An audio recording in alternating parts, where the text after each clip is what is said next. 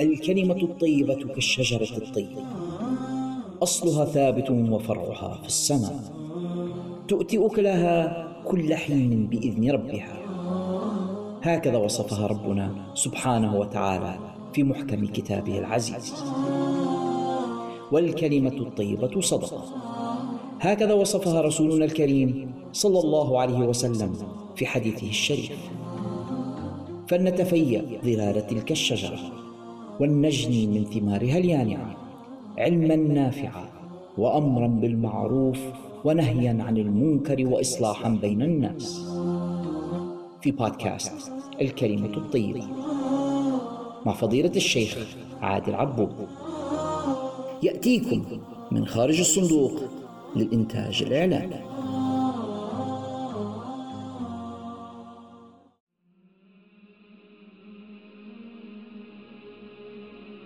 بسم الله الرحمن الرحيم. الحمد لله رب العالمين والصلاة والسلام على أشرف الأنبياء والمرسلين سيدنا ونبينا محمد وعلى آله وصحبه أجمعين. اللهم افتح علينا حكمتك وانشر علينا رحمتك وأعنا على تقواك وما فيه رضاك يا ذا الجلال والإكرام. اللهم لا علم لنا إلا ما علمتنا إنك أنت العليم الحكيم. اللهم إني أبرأ إليك من حولي وقوتي إلى حولك وقوتك. فهب لنا حولا وقوة نستعين بهما على طاعتك يا رب العالمين. وبعد إخوتي المستمعون السلام عليكم ورحمة الله تعالى وبركاته.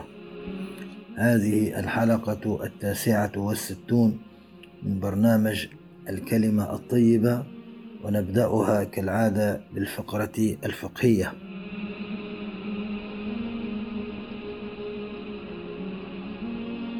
تكلمنا في الدرس الماضي والذي قبله عن بعض أحكام صلاة الجمعة ونتكلم اليوم بعون الله وتوفيقه ونشرع في أحكام الجنائز.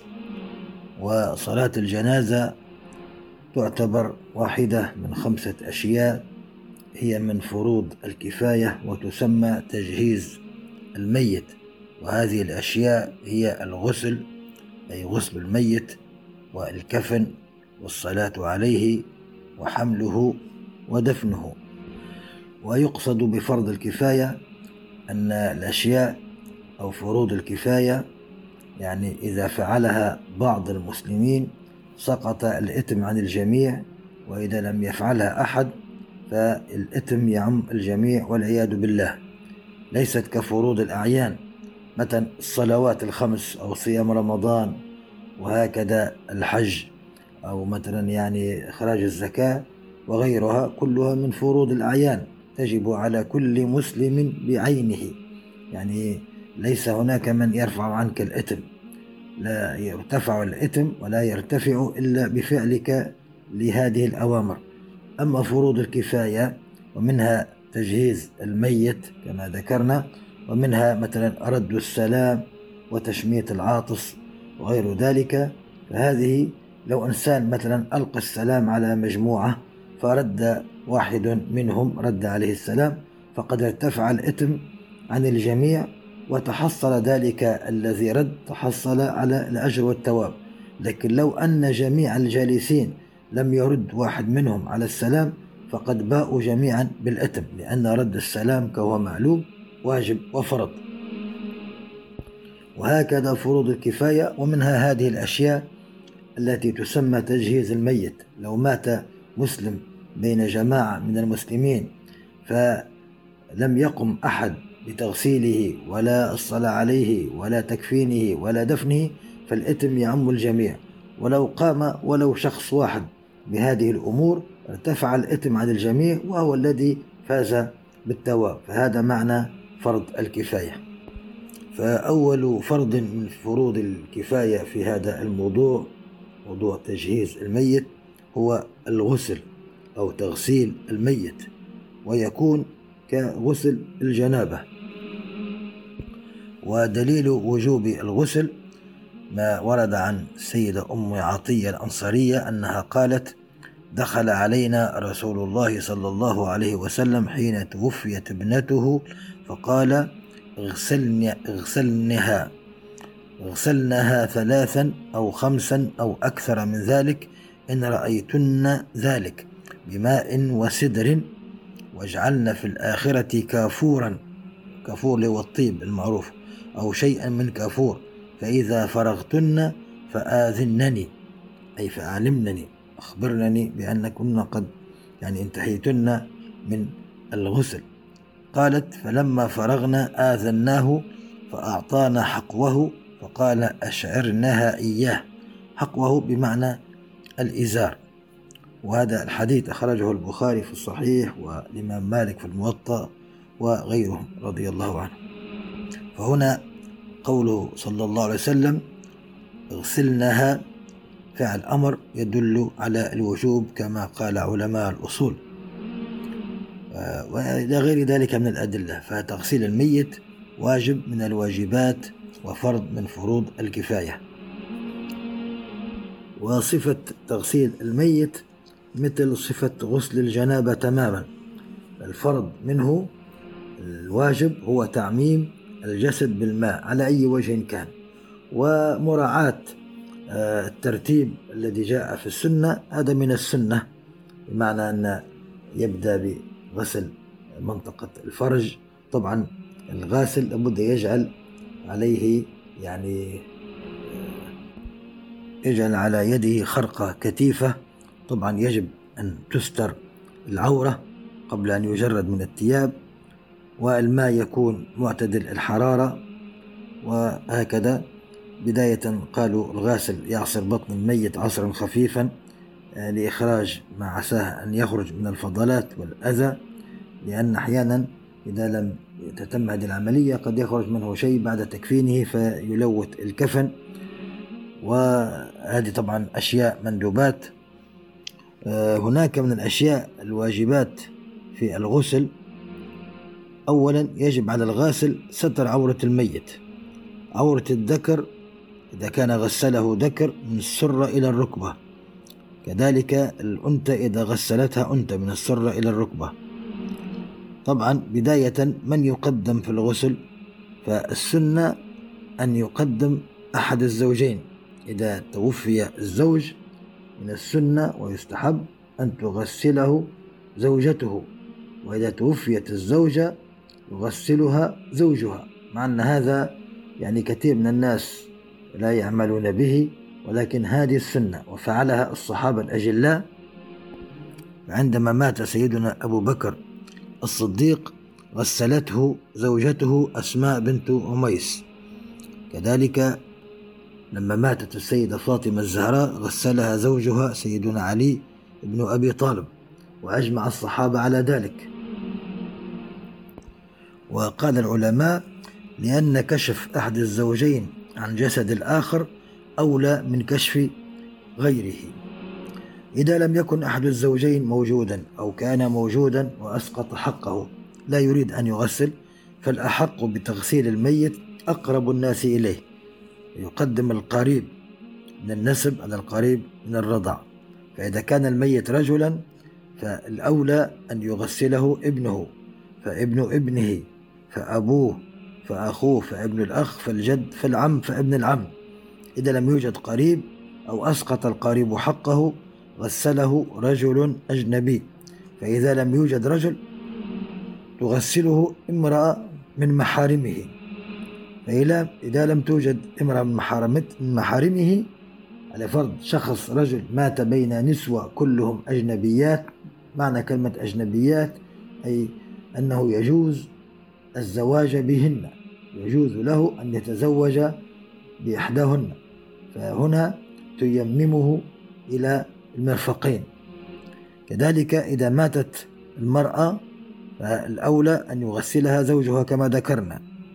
فإذا لم يوجد الزوج أو تنازل عن حقه أو لا يريد أن يغسل زوجته فتغسلها امرأة من أقاربها من النساء والأولى أن تغسلها ابنتها فبنت الابن فالأم فالأخت فبنت الأخ فالجدة فالعمة فبنت العم. وإلا امرأة قريبة أخرى وإلا غسلتها امرأة أجنبية. فإن لم توجد امرأة تغسلها غسلها رجل من محارمها. ولكن يجعل بينه وبينها ساترا هكذا معلق من السقف بحيث لا يظهر شيء من جسدها ويجعل على يده يلف على يده خرقة كثيفة فلا يباشر جسدها بيديه. هذا رجل يكون محرم من محارمها الذي يعني يحرم عليه الزواج بها محرمية مؤبدة مثلا أخوها أو أبوها هكذا. فإن لم يعني يوجد رجل محرم فلا يغسلها رجل أجنبي حتى بهذه الضوابط ولكن فقط يطهرها بالتيمم ولكن يقتصر إلى الكوعين فقط. يعني يمسح يجعل الخرقة يمسح على وجهها ويديها إلى الكوعين. ويجوز للمرأة الأجنبية أن تغز أن تغسل صبيا لم يتجاوز ثماني سنوات. يعني صبي صغير إلى سن ثماني سنوات يجوز حتى لامرأة أجنبية بمعنى ليست من محارمه أن تغسله. كذلك الرجل الأجنبي يجوز له أن يغسل الرضيعة. طفلة رضيعة لا زالت في سن الرضاعة وما قارب عمرها إلى ثلاث سنوات. أما أكبر من ذلك لا يجوز له. انظر يعني حرص الإسلام مع أن آه، ثلاث سنوات أربع سنوات يعني لا تشتهى. ولكن درءا للمفسدة وسدا للذريعة وهكذا فلا يجوز للرجل الأجنبي أن يغسل الفتاة ولو كانت ثلاث سنوات فما فوق. والمرأة يجوز لها أن تغسل طفلا في الثماني سنوات. هذه الأجنبية. أما كان من في المحارم فذكرنا كيف الطريقة ويستحب لمن غسل ميتا أن يغتسل. بعد ما يغسل الميت يستحب له هو أيضا أن يغتسل لما جاء عنه صلى الله عليه وسلم أنه قال من غسل ميتا فليغتسل ومن حمله فليتوضأ. ودليل جواز التيمم في حالة عدم وجود الرجل المحرم للميت للميتة أو المرأة المحرم للرجل الميت هي أن الغسل أو تغسيل الميت مأمور به. والتيمم يعوض الغسل كما هو معلوم ومواضع التيمم ليست بعورة. كذلك مما يدل على هذا ما جاء عن سنان بن غرفة الصحابي عن النبي صلى الله عليه وسلم فالرجل يموت مع النساء والمرأة تموت مع الرجال ليس لواحد منهما محرما أنهما ييممان ولا يغسلان. خرجه البيهقي في الجنائز. كذلك هناك يعني بعض الناس الذين لا يغسلون أولهم الشهيد الذي مات في قتال الكفار لإعلاء كلمة الله لقوله صلى الله عليه وسلم زملوهم بدمائهم لونه لون الدم وريحه ريح المسك. وقد أمر عليه الصلاة والسلام بدفن شهداء أحد بدمائهم ولم يصلي عليهم ولم يغسلوا لأن الذي لا يغسل لا يصلى عليه. هكذا القاعدة. كذلك الكافر لا يغسل لأن التغسيل عبادة وتطهير والكافر ليسوا الكفار ليسوا من أهلها. كذلك الذي لا يغسل من فقد أكثر من ثلث جسده يكره تغسيله. كذلك إذا خيف على الميت أن يتقطع لحمه أو يتسلخ فلا يغسل. وذلك عند كثرة الموتى جدا لا يغسلون ولكن يطهر بالتيمم. كذلك السقط الذي ينزل من بطن أمه ميتا. يغسل دمه ندبا ويلف بخرقة ويوارى في المقبرة. ولا يصلى عليه. لكن إن استهل السقط صارخا يعني آه، أتى بصوت وعلمت حياته فهنا وجب تغسيله والصلاة عليه. أما نزل ميتا وهذه فيها خلاف بين العلماء. هناك من يرى حتى الذي ينزل ميتا أنه يغسل ويصلى عليه فالمسألة خلافية. وورد عن سيدنا جابر رضي الله عنه أنه قال الطفل لا يصلى عليه ولا يرث ولا يورث حتى يستهل يستهل بمعنى يصرخ عند ولادته. هذا الحديث ورد مرفوعا وموقوفا مرفوعا أي إلى النبي صلى الله عليه وسلم وموقوفا أي على سيدنا جابر رضي الله عنه. من مستحبات تغسيل الميت كما هو المعلوم في غسل الجنابة أن يبدأ بإزالة الأذى ثم آه، يوضئه وهكذا يعني. وفي الغسلة الأخيرة يستعمل السدر أو الصابون بحيث أن فيه يعني التنظيف. والغسلة التي آخر غسلة فيها استعمال الكفور وهو يعني نوع من العطور. كذلك يستحب الإكتار من صب الماء خاصة على المخرجين. وبعكس الغسل من الجنابة السنة هو تقليل من صب الماء ولكن تغسيل الميت زيادة في يعني تطهيره وتنظيفه. ثم بعد تغسيل الميت الخطوة التي تليها وهي تكفينه.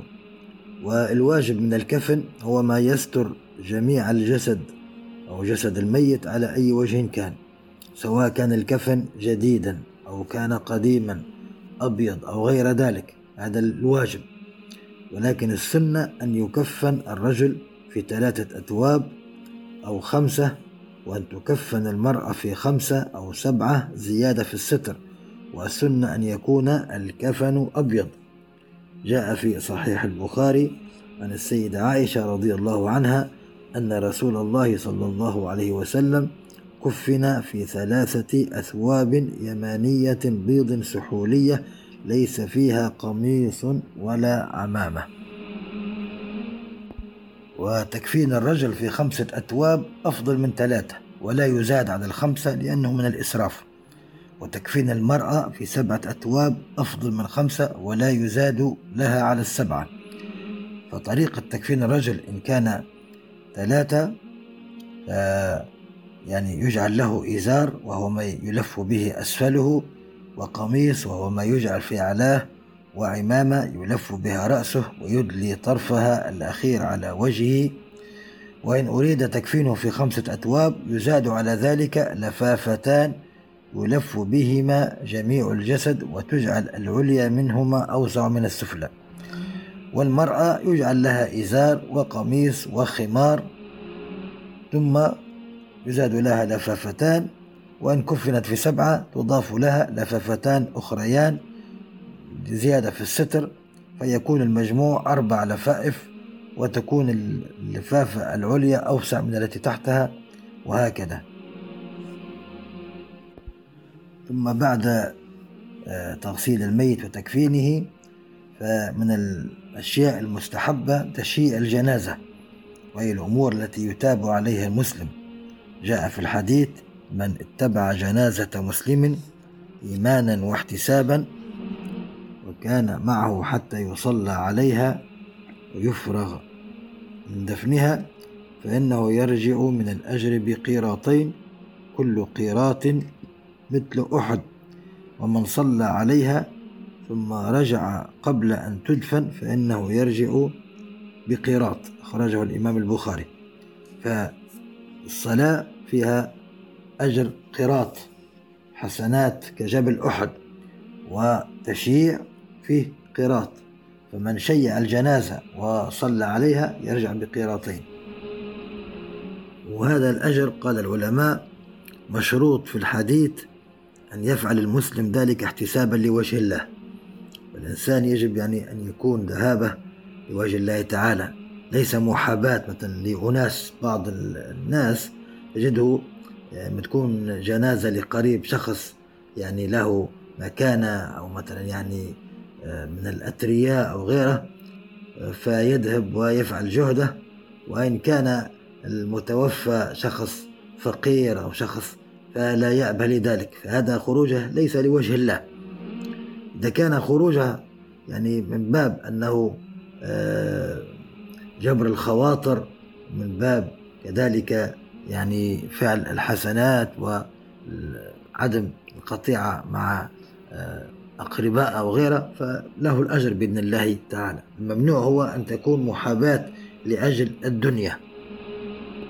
ومن مستحبات وآداب تشييع الجنازة المشي أمام الجنازة. كذلك الصمت أثناء التشييع آه، ما فيش رفع أصوات ولا حديث دنيا. للأسف يعني الآن تجد الناس في جانب النعش وهم يتحدثون عن أمور الدنيا وعن أمور التجارة وغيرها غفلة ما بعدها غفلة مع أن كما جاء في الأثر كفى بالموت واعظا. كذلك من السنة حمل الجنازة والإسراع بها في وقار هكذا احتراما للميت. وألا تتبع الجنازة بنار. ثم بعد ذلك يأتي حكم صلاة الجنازة كما ذكرنا هي واجب كفائي مثل تغسيل الميت وتكفينه ودفنه. لابد أن يقوم بها بعض الناس ليسقط الواجب عن باقي المسلمين. ولو دفن الميت ولم يصلي عليه أحد وجبت الصلاة على قبره بعد الدفن.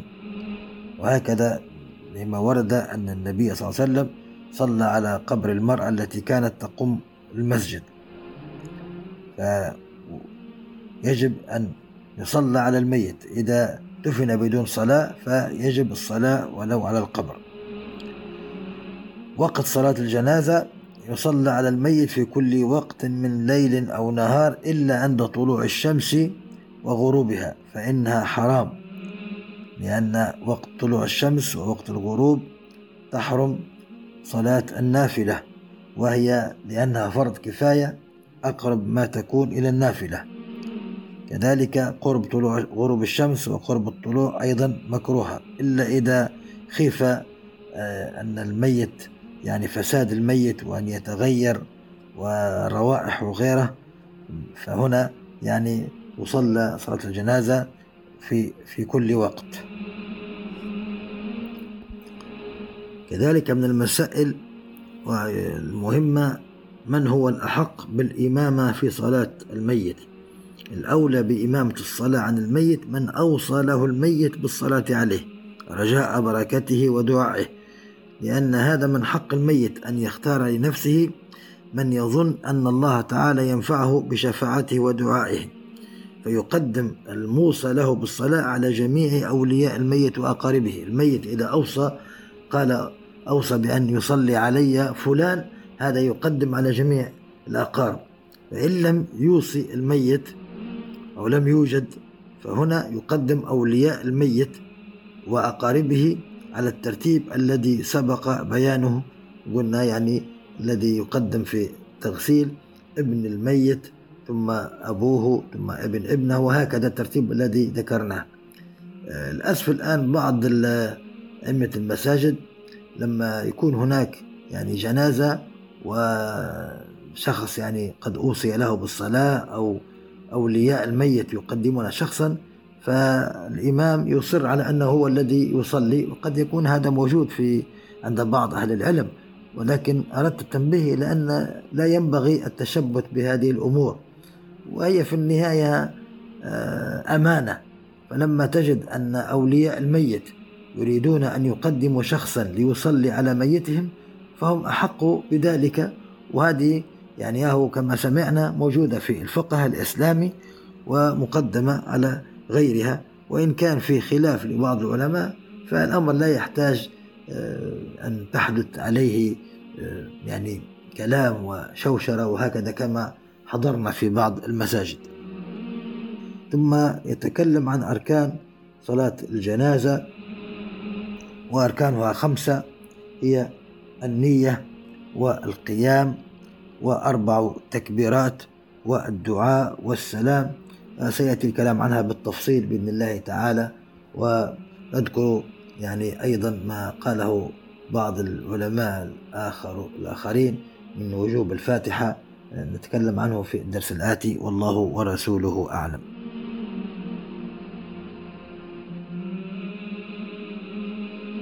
في الفقرة الثانية في دروس التربية آه، ذكرت في الدرس الماضي توقفنا عند أهمية الطفولة المبكرة وهي المرحلة التي ما قبل المدرسة وتمتد من السنة الثانية وحتى السابعة من العمر. وذكرت أن لهذه المرحلة أهمية خاصة لعدة أسباب منها أن رب العزة لما جعل الأبوين مسؤولين عن عقيدة الطفل وعن أخلاقه هيأ لهم الأسباب التالية. أولا جعل الطفل يتلقى من والديه فقط فيرى والديه مثلا أعلى في كل شيء حسن فلا يصدق غيرهما. وذلك كله لكي يحصن الله الطفل من التأثيرات التي تأتي من خارج الأسرة طوال هذه الفترة اللي هي طفولة مبكرة كذلك جعلها الله هذه الفترة وهذه الطفولة طويلة المدى يعني من الثانية حتى السابعة.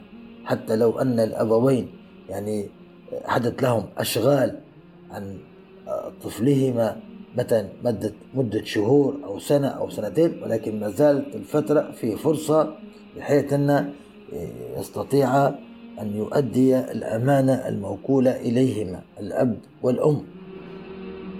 كذلك في هذه الفترة يكتسب الطفل أسس السلوك الاجتماعي وتبقى ثابتة مدى العمر.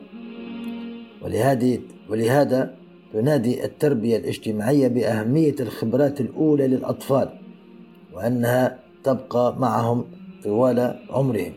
وهي التي ترسم الملامح الرئيسية لشخصية الطفل المقبلة ويصبح من الصعوبة إزاحة بعضها مستقبلا.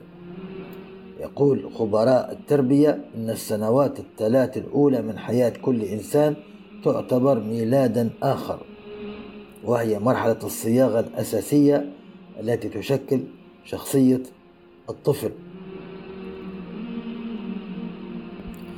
ولهذا نبه كثير من الناس المتخصصين في التربية على خطورة الخادمات في هذه الفترة وأن توكل إليهم مسؤولية تربية الأطفال خاصة الأجنبيات والكافرات.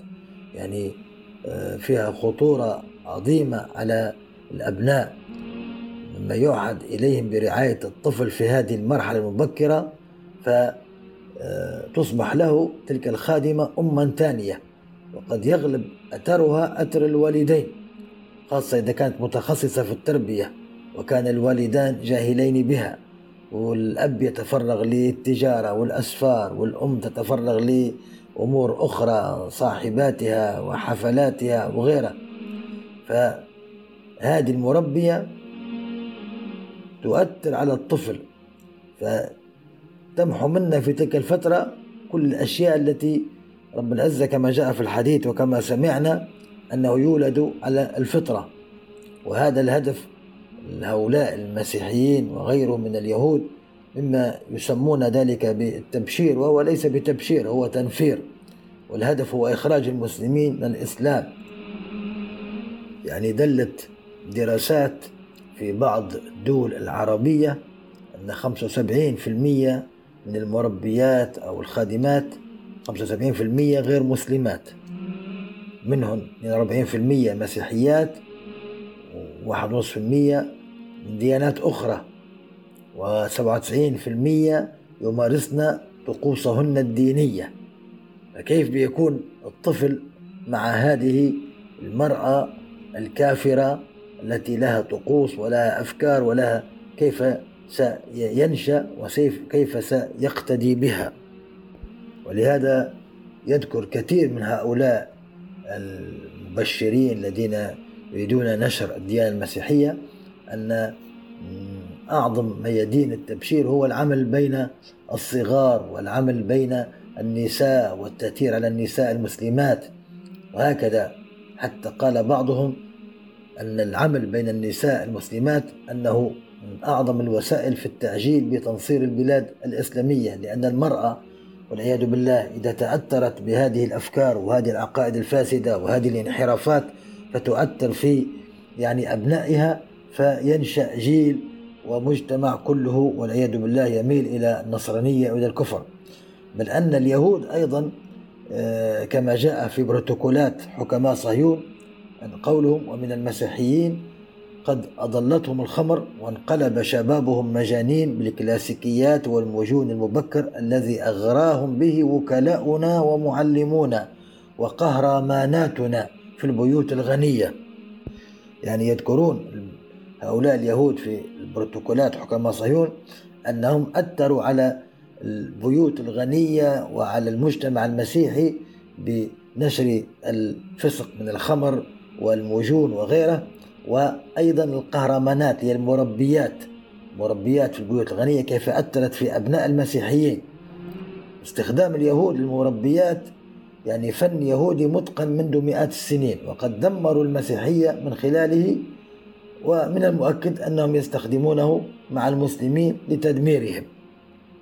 يعني فيجب وينبغي التنبه إلى هذا الأمر واستخدام هؤلاء المربيات والخادمات وغيرهن في البيوت وينبغي على الأم أن آه، ترجع إلى الله وأن تكون وظيفتها في تربية هذا النشء المسلم وهذا الطفل الأمانة بين يديها هو أولى ويقدم على جميع الأمور الأخرى وإلا ستحاسب على هذا آه، يعني الخذلان لهذه المهمة وعلى يعني التقاعس عن هذه المسؤولية.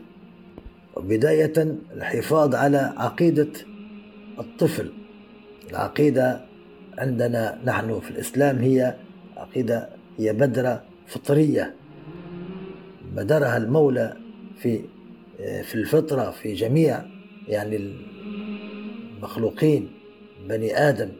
عكس ما الفلسفات الجاهلية أن عندهم العقيدة قضايا وأحكام عقلية مكتسبة من البيئة. أما عندنا نحن المسلمين هي بدرة بدرة فطرية. قال تعالى وإذ أخذ ربك من بني آدم من بني آدم من ظهورهم ذريتهم وأشهدهم على أنفسهم ألست بربكم؟ قالوا بلى شهدنا أن تقولوا يوم القيامة إنا كنا عن هذا غافلين.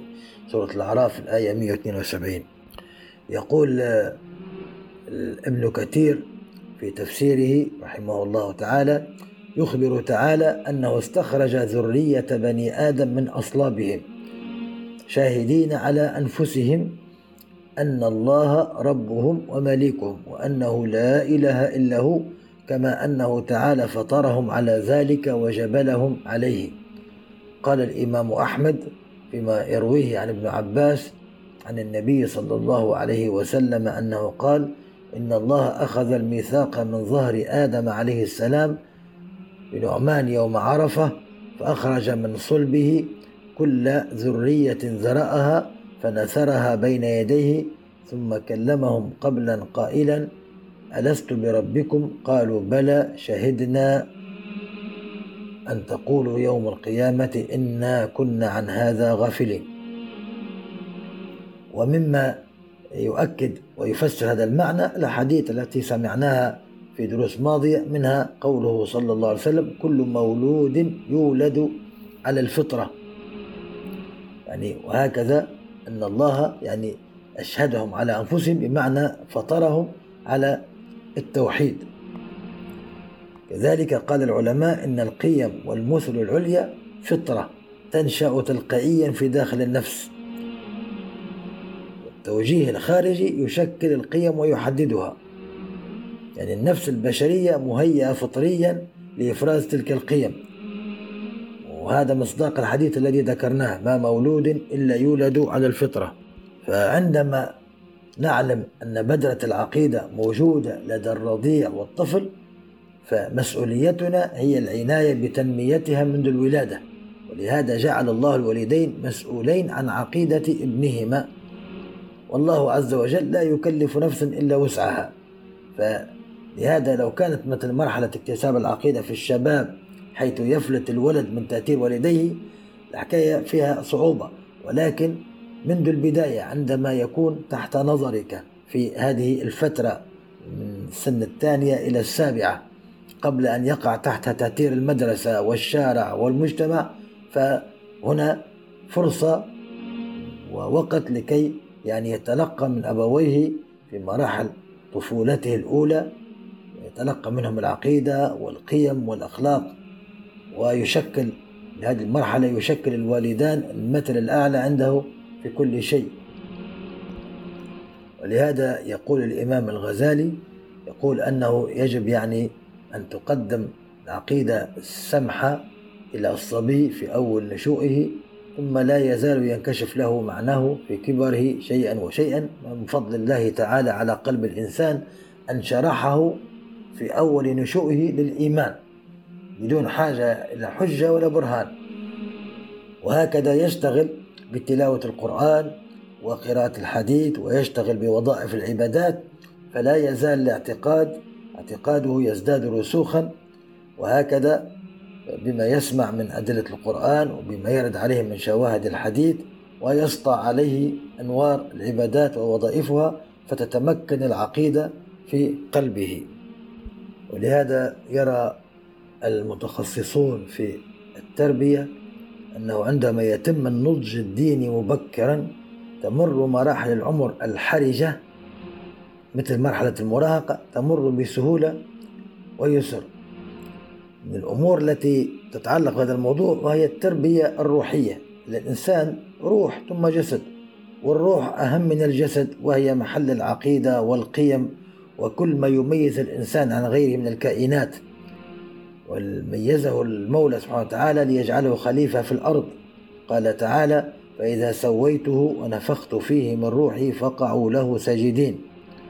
فأمر الملائكة بالسجود وفضله الله على سائر العالمين بما فيه من خصائص الروح.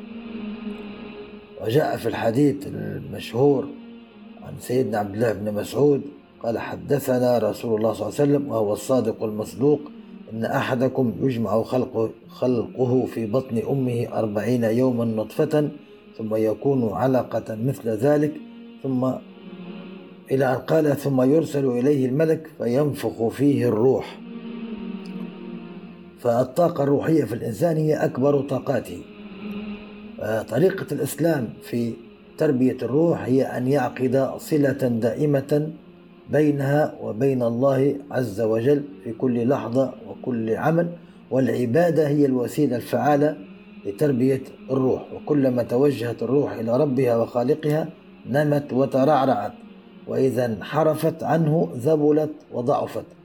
والتربية الإسلامية تربية شاملة متوازنة تشمل الجسد والعقل والروح.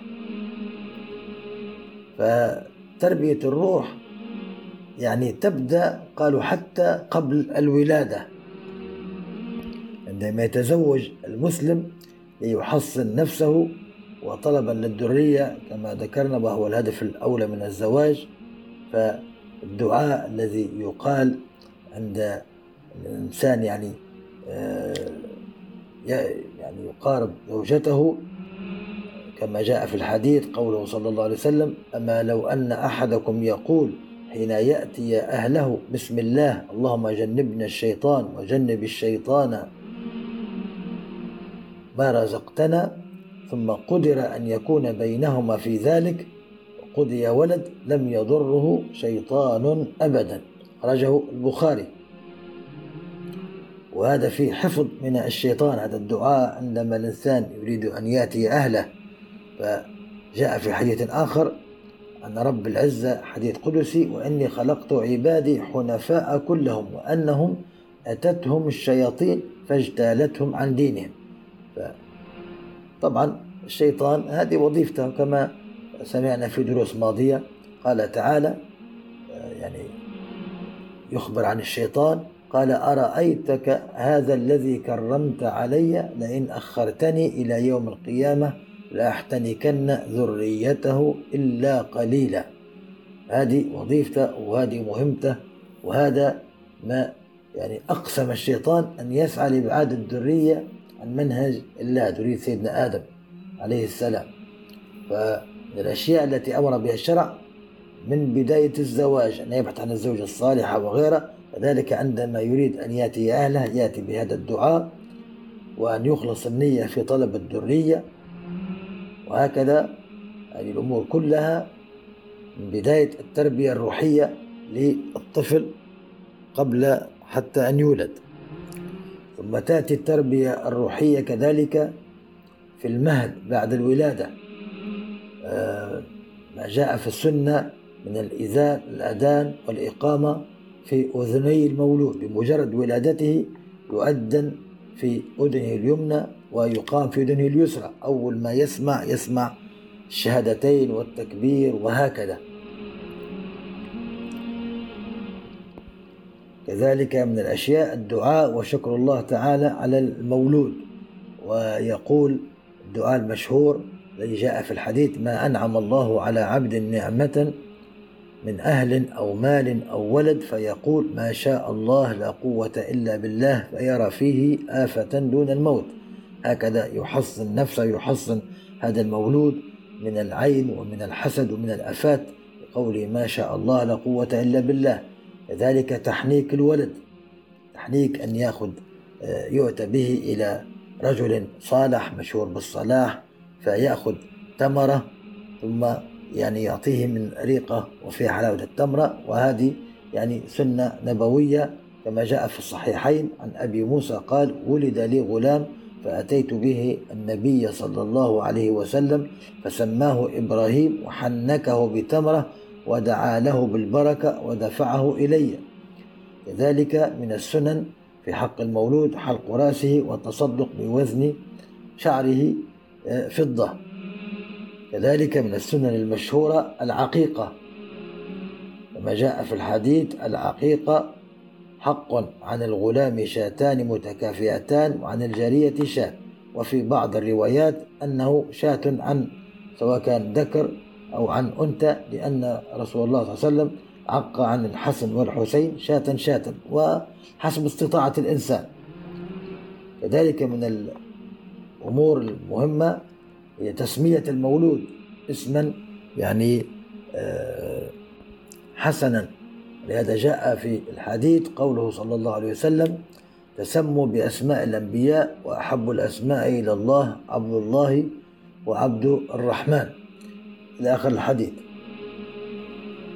كذلك هناك التربية الروحية في الطفولة المبكرة وأهمها القدوة الحسنة.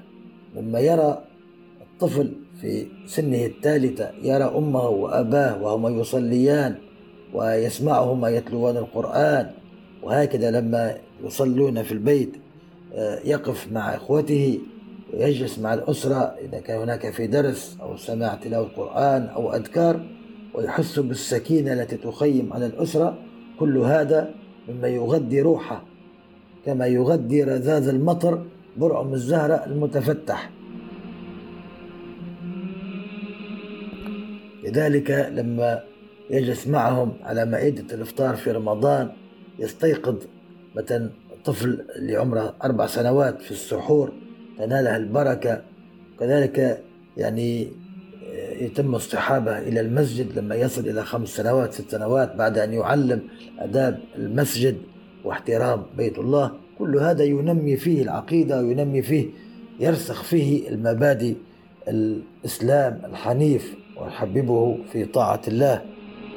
كذلك من الأمور المهمة أن يلقن الطفل وهو في سن الثالثة أو الرابعة أذكار الصباح والمساء والنوم والطعام والشراب. وهي تكون بالقدوة العملية. لما الأب يتناول طعام والأم يبدأ يقول بسم الله بصوت مرتفع بحيث يسمعه الأطفال وباقي الأسرة هكذا. لما يكمل يقول الحمد لله ويأتي بأذكار الحمد ويشكر هذه النعمة لما بيدخل مثلا إلى دورة المياه يقول بسم الله اللهم إني أعوذ بك من الخبث والخبائث لما يخرج يقول غفرانك وهكذا. هذه الأشياء يعني يحفظها الطفل من كثرة ما يسمعها ويمارسها وهي فيها ربط وثيق لروحه بالله عز وجل فتنمو روحه وتسلم فطرته من الانحراف. والله ورسوله أعلم وللحديث بقية. نختم كلامنا ببعض الأدعية. اللهم يا رب إنا نسألك بأسمائك الحسنى وصفاتك العلى.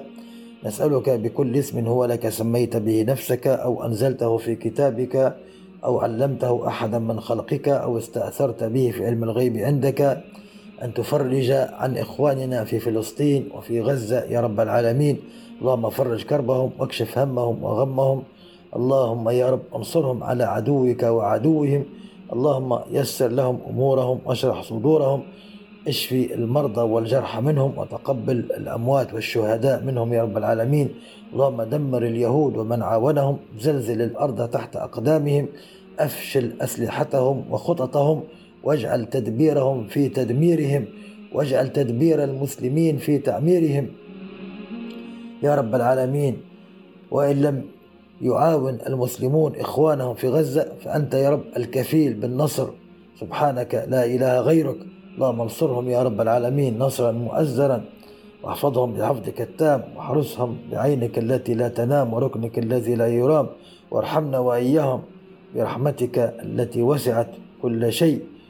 واكفنا وإياهم السوء بما شئت وكيف شئت إنك على ما تشاء قدير.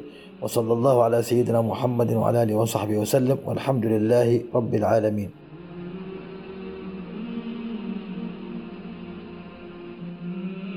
إذا كانت هذه الحلقة قد نالت رضاكم واستحسانكم فلا تبخلوا علينا رجاء بترك علامة الخمس نجمات في التطبيق الذي تستمعون إليها من خلاله.